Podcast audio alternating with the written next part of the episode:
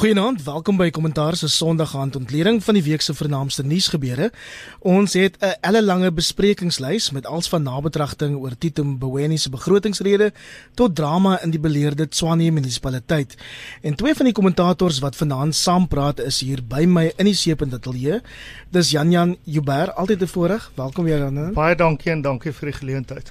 Ons verwelkom ook Dr. Rudy Buys, uitvoerende dekaan van die Cornerstone Instituut. Welkom Rudy. Dankie Iver, dankie Jan Jan. Op die lyn professor Dirk Coetzee, hy's 'n politieke wetenskaplike verbonde aan Unisa. Nansie en welkom Dirk. Goeienaand Iver. Kollegas, ons begin dan vanaand met minister Mboweni se begrotingsrede, 'n toespraak en rede, 'n begroting wat William Sondersen Meyer gister in die Independent on Sunday Saturday koerant beskryf het as 'n bewys van die ANC se skizofreniese alliansies. Jan Jan, jou algemene indrukke oor die begroting en ek skat ook jou mening oor Kusatu se oorlogsverklaring um, teen die regering se besluit om die uitgawe aan staatsdienssalarisse te verminder. Die ANC sit ook nou môre daaroor. Ja, ek dink dit was 'n anderster begroting hierdie. Um die grootste verandering is duidelik dat dit nie 'n uh, besluit deur komitee was nie. Um dit is nie deur elke staatsdepartement geskryf nie. Daai is deur die minister van finansies geskryf. Dis hoekom dit so samehangend was. Dis hoekom mense kon verstaan wat aangaan en dis hoekom nie allerlei nonsens oor allerlei ander dinge was nie. Terselfdertyd um na my mening ook die beste begroting wat wat ek nog gedek het um in die moeilikste tyd maar so maklik kon die ANC en meneer Mboweni maar net weer um die um soos die Engels sal sê kick the can down the road en net niks gedoen het nie. Hierdie keer het hulle het hulle baie gedoen. Um dit is duidelik dat daar uit ten minste uit die perspektief van 'n uh, soort van meer liberaal markekonomie um 'n mate van van duidelikheid en denke gekom het waar daar vir baie jare vir my was die was die begroting amper onwerklik. Dit was werklikheidsvreemd. So hierdie keer glad nie. Moeilike besluite um en die grootste hiervan die snit in die staatsdiens uh, begroting en dit is dan waarna jy verwys as jy kyk na um na Kusatu se oorlogsverklaring en inderdaad is dit 'n oorlogsverklaring. Hulle het die begroting en ek haal aan as 'n oorlogsverklaring bestempel en as 'n hinderlaag. Ek weet nie hoe hoe's dit nie, maar um maar die punt hier is dat um ek het nou oor die naweek met 'n klomp mense redelik naby aan die presidentskap en in die boonste dele van die ANC gepraat en hulle sê Kusatu praat soort van nonsens want um, dit is lankal met hulle bespreek. Kusatu antwoord en sê ja, dis moet ons bespreek, maar ons het nie ingestem nie. So um die punt is dit moes gedoen word, maar nou kom ons by die gevolge en die gevolge lyk onduidelik. Môre vergader die nasionale werkkomitee van die ANC, dis die top 20 lede van die ANC. Die aanduidings is dat hulle die begroting gaan aanvaar. As dit nie aanvaar nie, het ons groot moeilikheid want dan weet ek nie waar ons is prosesmatig nie. Maar die vraag is of dit enigiets gaan beteken. Die nasionale werkkomitee en die nasionale uitvoerende komitee en die parlementêre caucus van die ANC, dit is plekke wat mense sal aanvaar vir meneer Ramaphosa relatief maklik is. Die vraag is wat gaan Kusatu doen? Gaan daar 'n omvattende staatsdiensstaking wees en in watter mate gaan dit Kusatu nader dryf van die EFF? Rudy baie ontleeders het vooraf voorspel voorspel dat meneer Mboweni moontlik weer BTW sou verhoog wat nie gebeur het nie. Is jy oor die algemeen tevrede met wat hy op die tafel gesit het of het jy soos baie Suid-Afrikaners meer dramatiese ingrype verwag? Hmm. Nee, ek het sekerlik meer dramatiese ingrype verwag en ek ek dink die ek kan se vir myself as 'n gewone man om straat is die jy weet die goed oor die oor belasting en swaan, jy weet wat nie opgegaan het nie en en wet en die goeie is is goeie aanduidings. 'n baie positiewe boodskap oor die jy weet die die loonrekening van die, die donorregering rekening van die regering dat dit inge, ingeperk moet word en dan so aan. So dis dis oor hoofstaan natuurlik 'n baie positiewe begroting. Ek jy weet ek dink eh, mense moet die sleutel regtig van 'n politieke analise hier gebruik. Jy weet mense kan ekonomies daarna kyk en uit 'n klomp hoeke uit. Maar op in 'n sekere sin is dit miskien wat Kusatu bedoel met 'n hinderlaag, is dat dat hier 'n ampere politieke benadering was gerig op die internasionale, jy weet, graderings uh, uh instellings en en dis meer. So hier is eintlik 'n boodskap na 'n klomp ander ore toe as wat wat in die parlement sit, jy weet. So dit was my indruk gewees. Ehm um, so jy weet, dis baie goeie beginpunte. Dis amper soos 'n jy weet die eerste skoot wat jy af, jy weet jy af wat jy neem ek net maar aan in 'n oorlog af afvuur, jy weet. Ehm um, Ehm um, sien dat ek nou nog nie, jy weet, op die grens was deur die tyd nie, jy weet. Ja nee, Rudy is nie 'n groot veroorsaker van oorlog nie. Hy's meer 'n stryder vir vrede. Bra, ja. Ja, nee, ehm um, maar ek ben in in in 'n op 'n baie ernstige manier, jy weet, as hierdie is hierdie is vir my een van die sterker politieke internasionaal politieke begrotings wat wat mense nog na geluister het. So dis amper Moody's moet iets hoor hierso. Jy weet in jy weet in Finch en so en so hierdie jy weet daar jy weet daar moet iets gehoor word. Ehm um, en so. So ek dink se wonderlike begroting. Hier kom natuurlik 'n groot debat en dis miskien Jan Jan, ek sal graag hoor wat jy wil sê en Dirk ook oor die uiteindelike groot fight van rondom die vakbonde. Jy weet waar lê die mag tussen die politiek die jy weet die die die, die, die parlement en die vakbonde. Hmm. En natuurlik die, die skuwe in die in die vakbond uh, jy weet in die vakbonde omgewing speel speel daarop in, maar ek dink dis eintlik die voorspel van die begroting. So great wonderlike begroting vir my wat elke dag, jy weet, uh, my lewe aan mekaar moet slaan. Uitstekende begroting na die internasionale ore toe wil ek amper sê in 'n voorspel vir 'n groot vir 'n groot uh, geveg wat eintlik in ons land wil ek amper sê op die lappe nou moet kom. Dit moet nou gebeur. Kom ons hoor wat Dirk sê oor daai hernieude spanning tussen die regering en die vakbonde Dirk. Ja, ek dink dis iets wat nou al eendag aankom, ehm um, en dit is dit is voorstelbaar dat uh, enige sny of dit nou was in die geval van SAL en of dit by Eskom te sprake is nou en baie meer in die algemeen uh, dat die vakbonde wou probeer walgooi. So in in daardie opsig dink ek nie is dit enigsins 'n verrassing nie. Ek dink die die groot punt is dit waaroor julle nou al reeds gepraat het en dit is tot watter mate die wat is die magsverhouding tussen die ANC en Kusatu. Ehm um, en ek dink wat dit het baie verander. En as dit Kusatu was van rondom 1998 toe daar baie groot openbare sektor stalke was um of sien maar in die middel 2000 teenoor nou um het Kusati oor tyd baie steun of baie lede verloor. Hulle mag hulle bedingings mag binne die alliansie het seker van die helfte verminder. Um hulle is natuurlik nog steeds sterk in die openbare sektor, nie Hawu Satu ehm um, stat Satawu al die verskillende vakbonde wat in die verskillende sektore in die openbare sektor is. Hulle is sterk. Um maar hulle gaan nie genoeg ondersteuning kry van die private sektor vakbonde soos byvoorbeeld die National Union of Mine Workers nie. Nomsa is nie meer in Kusatu nie wat een van hulle sterkste maar die tweede sterkste vakbond was. Ehm um, en dit het, dit het die die bedingingsmag van Kusatu dramaties verminder. So ek dink nie dis hulle natuurlik stel hulle self voor as die groot magsfaktor wat dit in die verlede was. Maar ek dink wat ons gaan sien as dit tot 'n punt gedryf gaan word, ehm um, is dat hulle nie selfde impak gaan hê nie. So in in daardie opsig dink ek is dit 'n baie harde uh geveg wat voorlê, maar ek dink nie dat dit gaan noodwendig dieselfde impak hê nie. Ek dink wat dat daar's ander punte in die begroting wat mense miskien nou verloor in die proses van net op hierdie hmm. op woordsaaklik op hierdie punt fokus. Uh, vir my een van die hoofpunte van die uh, begroting is die feit dat amper 40% van die totale begroting na opvoeding en maatskaplike welsyn toe gaan en dan 'n derde gedeelte die van gesondheid ook 'n hmm. baie groot uh, gedeelte van die van die uh, begroting kry.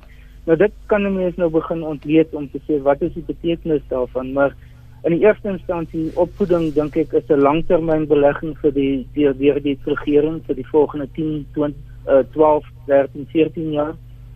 Die maatskaplike welsyn bedoel is vir die onmiddellike nou um, om te probeer om die uh, on, uh werkloosheidssituasie, die sosiale probleme wat daarmee saamgaan, um, om dit te probeer aanspreek en om te probeer om die die demonstrasie moontlik potensiaal van die van die werkloosheid en sosiale probleme om om dit terselfdertyd soveel as moontlik te onderdruk.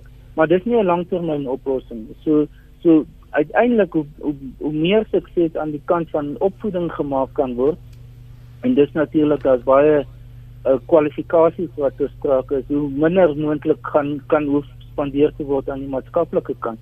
So ek dink daar is meer van 'n langtermynvisie wat hier ingebou is in die uh, begroting. Die kapitaalbesteding op infrastruktuur is natuurlik net so belangrik. Um, en dit is veral president Ramaphosa en sy staatsrede baie, baie klem daarop gelê. Dan wat vir my effens snaaks was is dat daar soveel klem gelees op mynbou en landbou as moontlike werkskepingssektore terwyl ons almal weet dat dit is nie die geval nie. Um, en uh, as jy mens dit vergelyk met president uh, Ramaphosa se staatsrede of David Makura se provinsiale rede, ehm um, het hulle baie meer gekonsentreer op byvoorbeeld die digitale ekonomie. So ek dink as 'n mens na alles kyk, ehm um, is dit is daar verskillende fokuspunte wat hier ingebou is wat uh, hopelik op die langtermyn uh, gesamentlik na 'n na 'n plan lei van vir, vir die soort van die herposisionering van die Suid-Afrikaanse ekonomie. Kom ons hoor wat Janjan en Rudy te sê het. Rudy, ek vermoed jy wil praat as die hoof van 'n private universiteit en Janjan, dit lyk of jy nie met alles saamstem wat Dirk gesê het nie.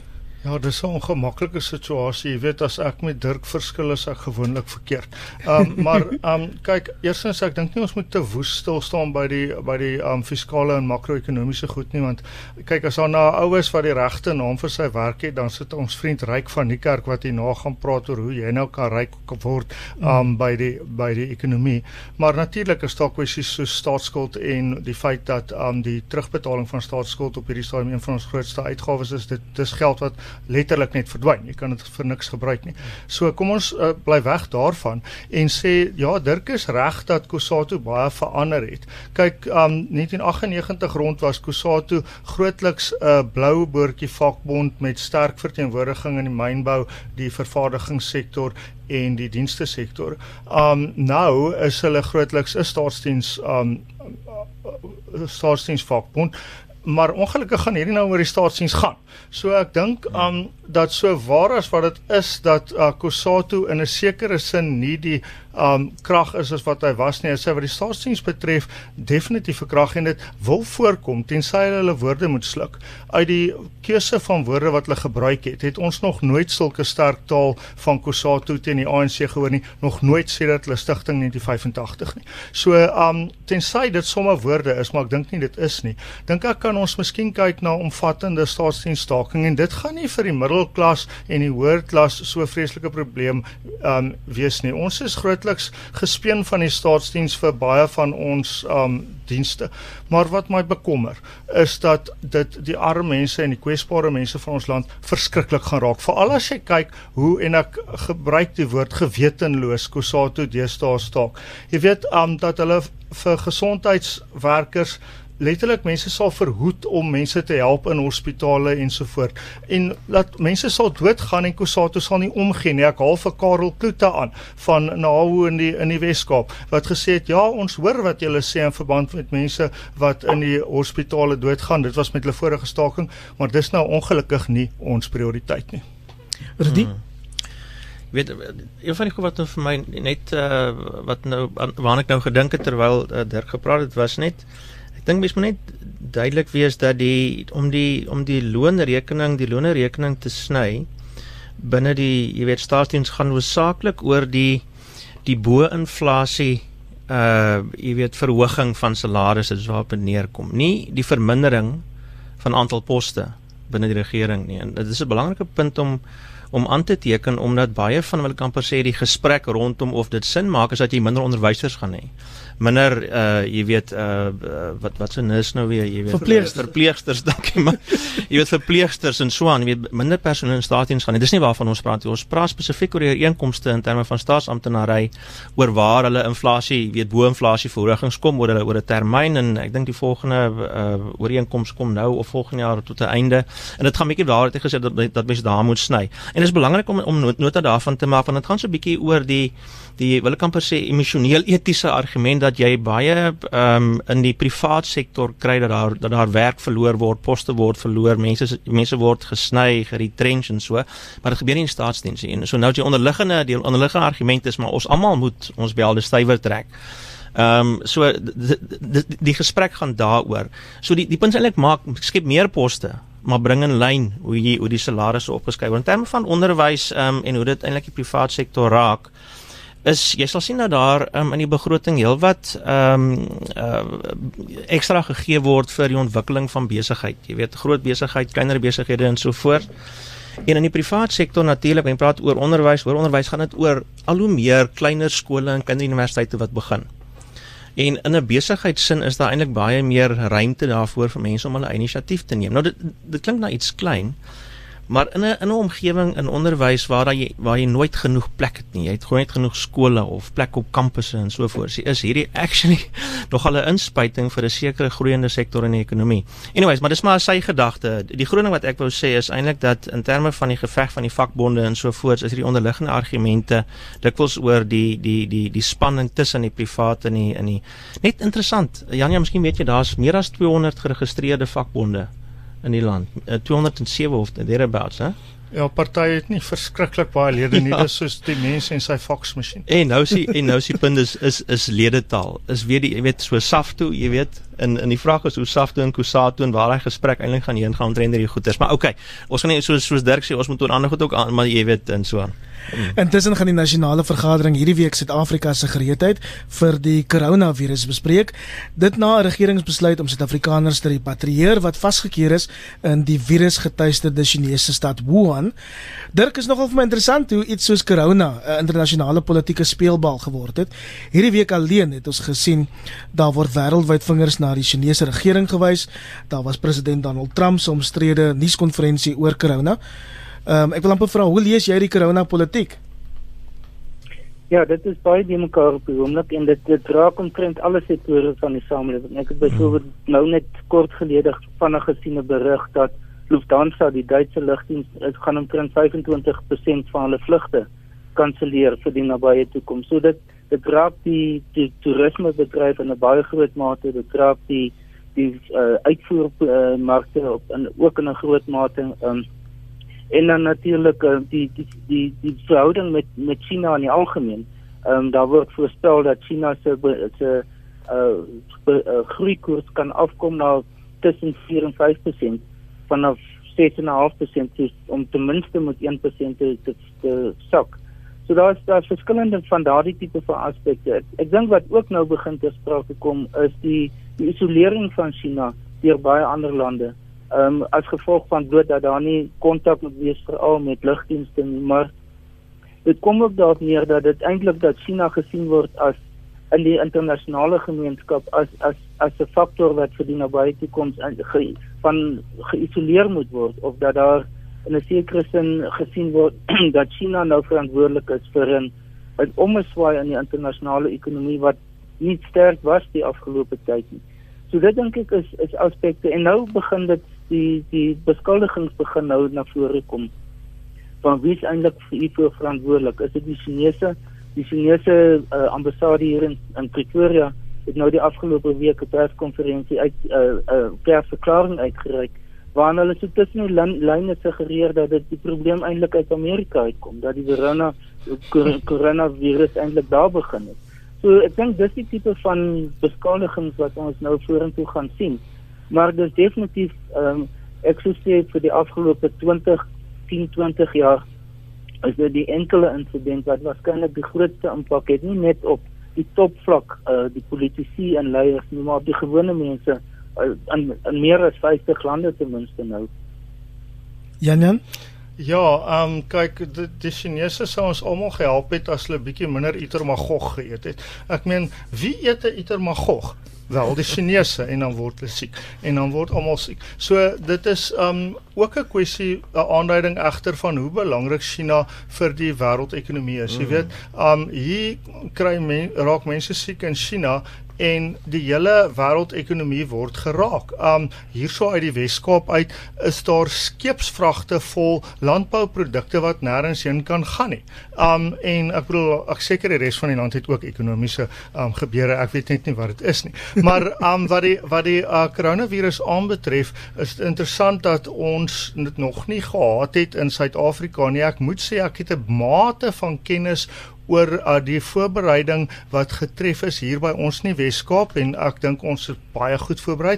KwaZulu-Natal um lyk ook redelik goed voorberei. Kyk as daar virus is gaan hy in KwaZulu-Natal uitkom danksy die weer en ons liewe mense wat wat so voluit leef daar. En um maar maar uh, in die res van die land lyk dit minder duidelik. Ek sien nou wel ek en Rudy wat albei um Vrystaatse koneksies het, sien dat um hierdie mense wat ons nou gaan haal daar in Wuhan, ons land het nou uiteindelik ook ons mense gaan haal. Ek voel so positief. Jy weet, ons is so daar, ons is so voor, jy weet. Eerste keer sedert die Selekant en Dr. Malan wat daai vliegtyg gestuur het dat ons nou hierdie tipe van lekker proaktiewe goed is. Jammer dit 3 weke gevat, maar is regte ding. Anyway, um laat hulle nou as hulle terugkom vir 3 weke by 'n vakansieoord in die Vrystaat um moet moet deurbring om nou um in kwarantyne te wees en jy weet dink ek en Rudy jy weer seker relatief naby Bloemendyn laat hom naby die enigste lughawe behoorlike lughawe in die Vrystaat is. En jy weet dit laat ons met 'n keuse uit omtrent 4 want dis nie 'n uh, vakansieoorde in die omgewing van Bloemfontein. Ons het ons nominasie um gaan ons hom gee. Dis die, die ou daai ou hotelkompleks in Tabanshu. Ons sal sien of dit reg is. Maar nou ja ek hoop die mense oorleef die verveling hmm. nadat hulle die koronavirus oorleef. Dit klink vir my lekker heeldag swem en hmm. niks doen nie. Maar wat nogal indrukwekkend is, jy weet, is uh ek is nie heeltemal bewus daarvan nie, maar ons het 'n uh, ons het 'n biochemiese oorlog eenheid deel van die weermag waar daar spesifieke opleiding is om met hierdie tipe van situasies te werk, jy weet. En uh So lyk my ehm um, jy weet lede van die eenhede word nou of die eenheid of die jy weet ehm um, deel van die weermag word eintlik ontplooi na na lughawens toe waar jy land en dan word jy eintlik getoets en dit gebeur by douane ook so daar's eintlik in ons land lyk my net die lughawens 'n baie baie sterk toets uh, stelsel om te sien of of siek mense land of nie. So ek jy weet my gevoel is ook jy weet ehm um, uit wat mense lees en wat mense sien en wat mense hoor dat ons uh, gereed is. Jy weet die So die die groep van 132 mense wat gesê het hulle wil graag van die kans gebruik maak van van die regering af om terug te kom. Niemand van daai uh mense is enigsins geïnfekteerd nie. Maar hulle word presies volgens die plan ten minste, presies bestuur volgens wat die Wêreldgesondheidsorganisasie uh, wat 14 dae eintlik kwarantyne verwag uh, bestuur, jy weet daar is uh, jy weet totale afbakening van die area. So ek ek moet sê dis dis nog een van die dinge wat ek dink lyk my ons goed hanteer. Jy weet of ons mm. 3 weke gewag het of met dit lyk dit lyk baie goed. Ek stem saam met Jan, ek dink mense kan daar baie positief wees, maar wie jy wat nie. Ons onderskat werklik ehm um, jy weet die coronavirus se uh, invloed op die wêreldekonomie. En dit gaan oor soos jy sê China se rol in die internasionale markte weet ehm um, die vervaardigingssektor in China het gaan stil staan. Jy weet die dienste sektor staan stil. Uh jy weet mense wat besighede hier het en goed moet kry van China af, dit kom net nie deur nie. En so die die 5% val min of meer op die aandelemark wat jy kry op die Dow Jones en hmm. waar hmm. waar ook al anders is dis dis 'n beduidende val. Jy weet skielik het Google en Apple en Amazon, jy weet moet laer winste, jy weet um, in die vooruitsig stel en so so dis werklik 'n groot ding. Nou Natuurlik is daar berigte wat sê jy weet die die die 500 rykste mense in die wêreld verloor altesaam 440 miljard rand. Ag dis okay, hulle kan. Jy weet. so nou of dit mense nou moet pla of nie is 'n ander vraag. Maar so ek dink mense uh, omdat ons dit nie noodwendig hier sien nie en dis nie groot nuus by ons nie jy weet as jy nou in die industrie werk wat nou gaan oor beleggings en so aan dan dan dan voel jy dit nou aan jou bas neem ek nou maar aan. Maar ehm um, maar so in in ons konteks hanteer ons dit goed. Jy weet een van die interessante opmerkings wat ek maak klaar iwer oor die is is die die die die vraag ontrent hoe grense bestuur word in Afrika. Uh, so een van die kommentators het gesê, ehm um, jy weet ons ons sal dit goed bestuur as mense land uit die res van die wêreld uit, maar as mense reis van ons kontinent af weens hoe grense bestuur word en en die stelsels by jy weet douanes soos mense nou deur die kontinent reis. Omdat dit nie noodwendig opdreef is was dit moet nie moet ons eintlik daarna kyk as ons as ons soek na gevare. Maar dis interessante nuances wat uitpop. Ek was nou toevallig hierdie week in Zambië en beide op Lusaka en oor Tambo lughawens ehm um, is dit met presisie bestuur? Ag uitstekend. Ja ons is ons is redelik getoets en die wat gelyk het is of hulle van die ooste kan kom ekstra ekstra getoets en hopelik sien mense dit ook in die res van die wêreld. Ons bly vir 'n oomblik op wat by gesondheidskwessies hier op kommentaar en praat volgende oor planne vir die nasionale gesondheidsversekering wat solidariteit die week in 'n brief van meneer Ramaphosa as immoreel beskryf het. Dirk, ek besef daar moet nog baie dinge gebeur. Kry jy die indruk dat die NGV gehalte gesondheidsorg aan alle Suid-Afrikaners sal kan bied soos die regering volhou? Al eerstens is hulle nou besig of amper klaar met 'n uh, openbare aanhoor van getuienis in al die verskillende provinsies. So dis dis baie duidelik dat hulle probeer. Ek dink dis na die ehm uh, die uh, dit het verlede jaar einde verlede jaar reeds begin. Ehm uh, en dat dit bedoel is om meer legitimiteit of geloofwaardigheid in die stelsel te of aan die stelsel te probeer gee. Ehm um, ek dink die wyse waarop dit gedoen word dit is nie noodwendig sodat dit 'n baie groot deel van die bevolking raak nie want dit is enkele insidente per provinsie so die die omvang daarvan is dink ek nog is beperk maar dis dis op sigself dink ek is dit 'n natuurlike goeie ding dat die die algemene publiek daardeur uh, by betrek word.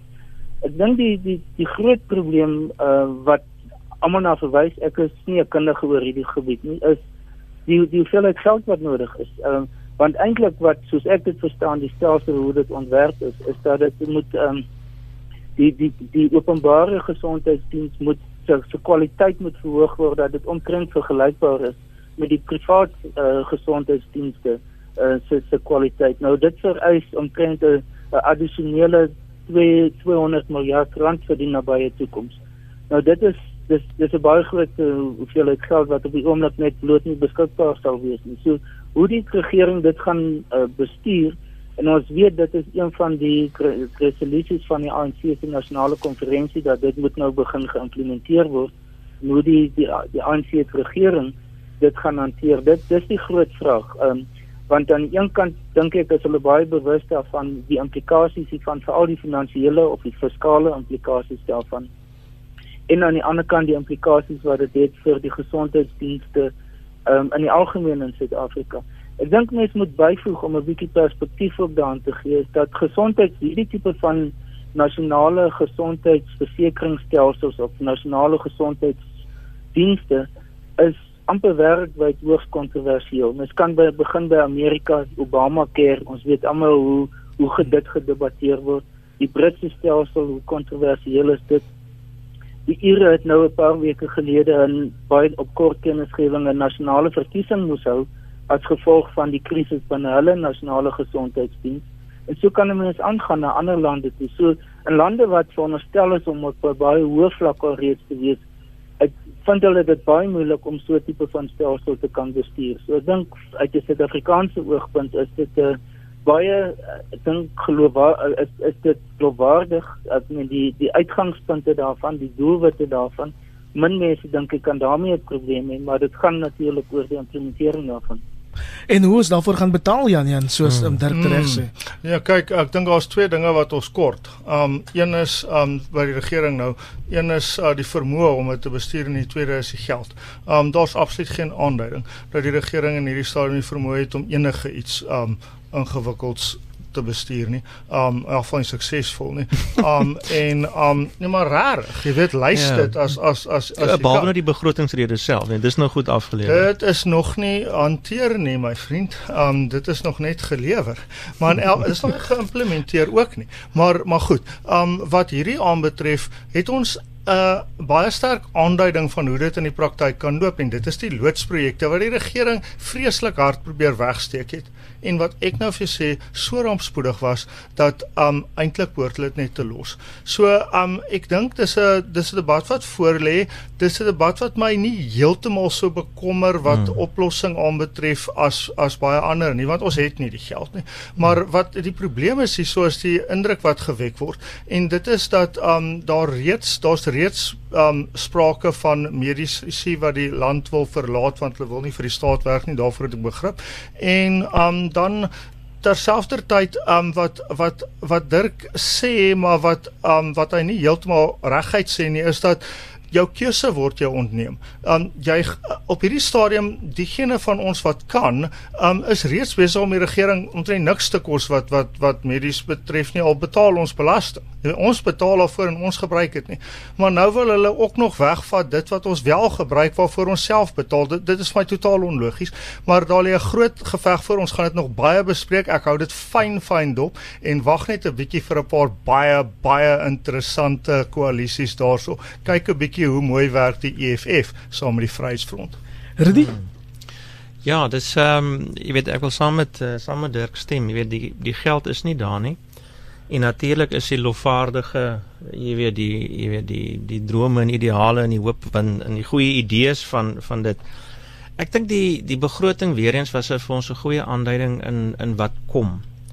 Jy weet so daar was nie 'n afwysing van die NGV nie. Maar daar was 'n duidelike uitwysing ons het nie geld vir 'n klomp goed nie en ons sal weer moet beplan aan wanneer die implementering vir die ding gaan hardloop.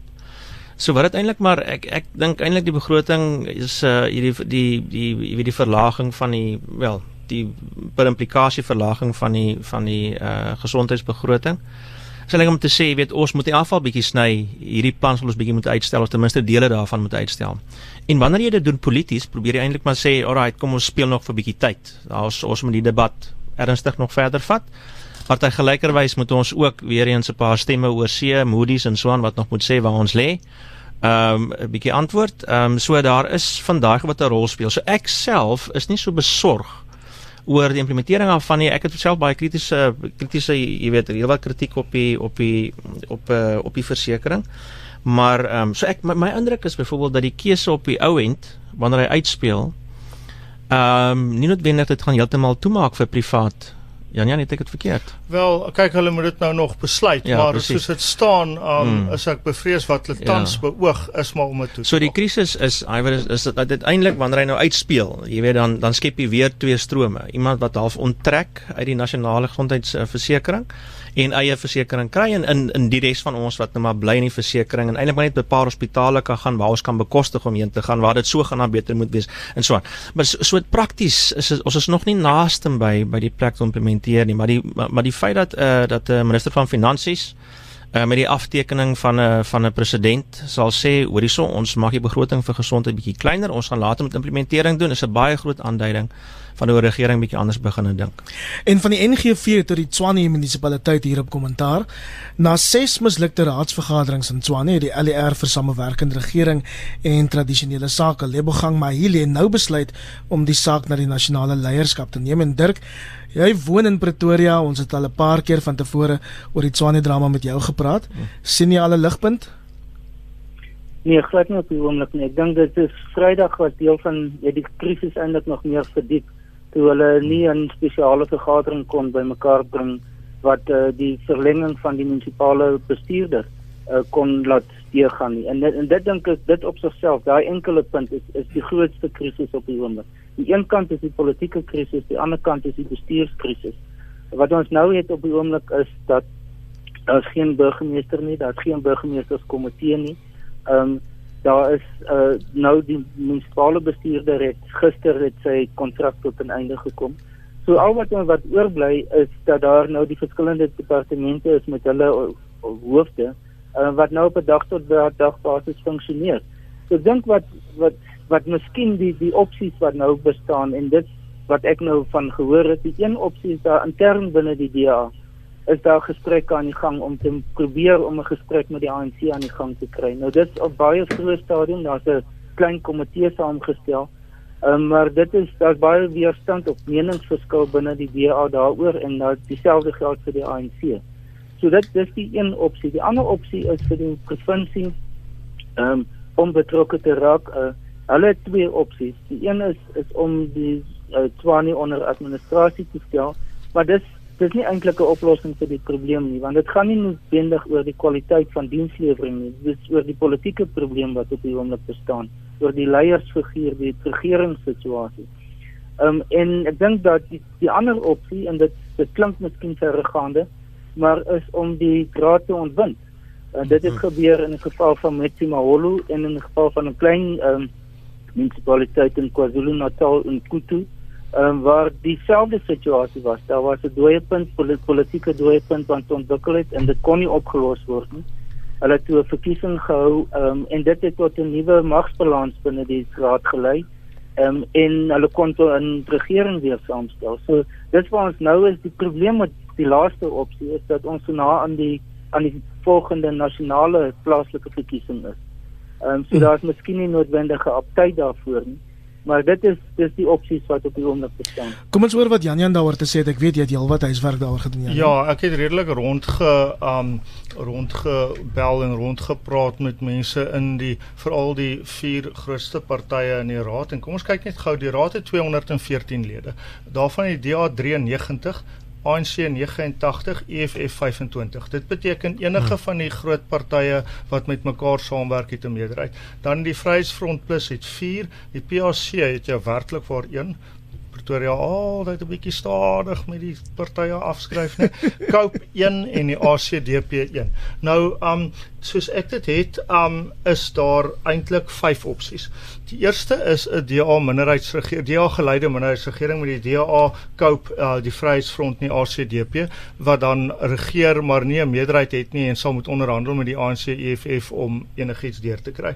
Dit sal waarskynlik vir Pretoria die beste wees. Tweede, um sal soos tevore wees as hulle as daai groepering waarna ek nou verwys het, weer met die EFF 'n tipe samewerkende ooreenkoms kan aangaan, dan um sal dit ook kan aangaan soos tevore, maar ek die EFF wil nou um wil nou posisies van leierskap hê. Basies wil hulle bewys hulle kan regeer want mense dink hulle is 'n stout kind wat alles breek en lawaai agter in die klas en uh, hulle hou nie daarvan dat mense dit dink nie want wie sal nou ooit dit kan dink van die EFF. Dan um die dan staan natuurlik die opsie van 'n ANC EFF koalisie. Um nou dit uh dit op hierdie stadium kan mens nie afskryf nie. Hoewel die ANC en die EFF mekaar absoluut haat soos wat ons gesien het um in die gemors rondom die begroting ag rondom die um staatsrede debat regtig haat is die enigste manier gegeewe dat die DA nou nie eintlik meer so maklik met die EFF kan saamwerk nie vir of die ANC of die EFF om in regering te kom is om saam te werk. Dan is daar 'n DA-ANC opsie, maar dit kan die DA nie doen as die Vryheidsfront nie saamgaan nie. Anderster gaan jy dan nou sien hoe hierdie Pretoriaanse voorstede vir die Vryheidsfront gaan in die volgende verkiesing. En dan die laaste um van die uh, van die opsies is soos Dirk gesê het om on, onder administrasie te plaas. Dis nie so ingewikkeld nie. Die wet sê dat um die teen volgende donderdag, nie die komende donderdag nie, die een daarop, moet die um Tshwane Metro 'n uh, burgemeester aangestel het. Hmm. As hulle nie moet die um raad onder administrasie geplaas word. As die raad onder administrasie geplaas word en dit lyk nie asof daar 'n oplossing kan wees nie, en ek het nog nooit 'n raad gesien wat so nie lyk of hulle 'n oplossing kan kry nie, moet jy binne 90 dae verkiesing hê. So dis nie net 'n kwessie van opsie nie, dis ook 'n kwessie van wet. Um laastens dan wat ons moet dophou is wat is die veranderlike in al hierdie? Die DA se posisie is redelik vas weens die Vryheidsfront. Um en hulle eie mense wat elke ding gedoen het om enige samewerking met die EFF nie 'n moontlikheid te maak nie. So hulle posisie is redelik vas. Al wat kan wat veranderlik is, is die ANC en EFF se posisies. Hmm. Hulle vergader tans die heeltyd met mekaar en met die DA. So ons sal sien hoe dit uitwerk, maar um dis ek sou sê die meeste die beste kans DA minderheidsregering, tweede beste kans ANC EFF, derde beste kans hmm. verkiesing in Pretoria. Rudy die laaste 30 sekondes behoort aan jou. Ja. As ek nou daar gesit het in die EFF of die ANC.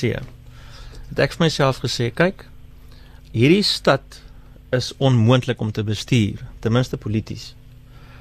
So as ek die volgende plaaslike regeringsverkiesing in 2021 het, wil ek regtig hierdie warm patat in my hand hê. Nee nee.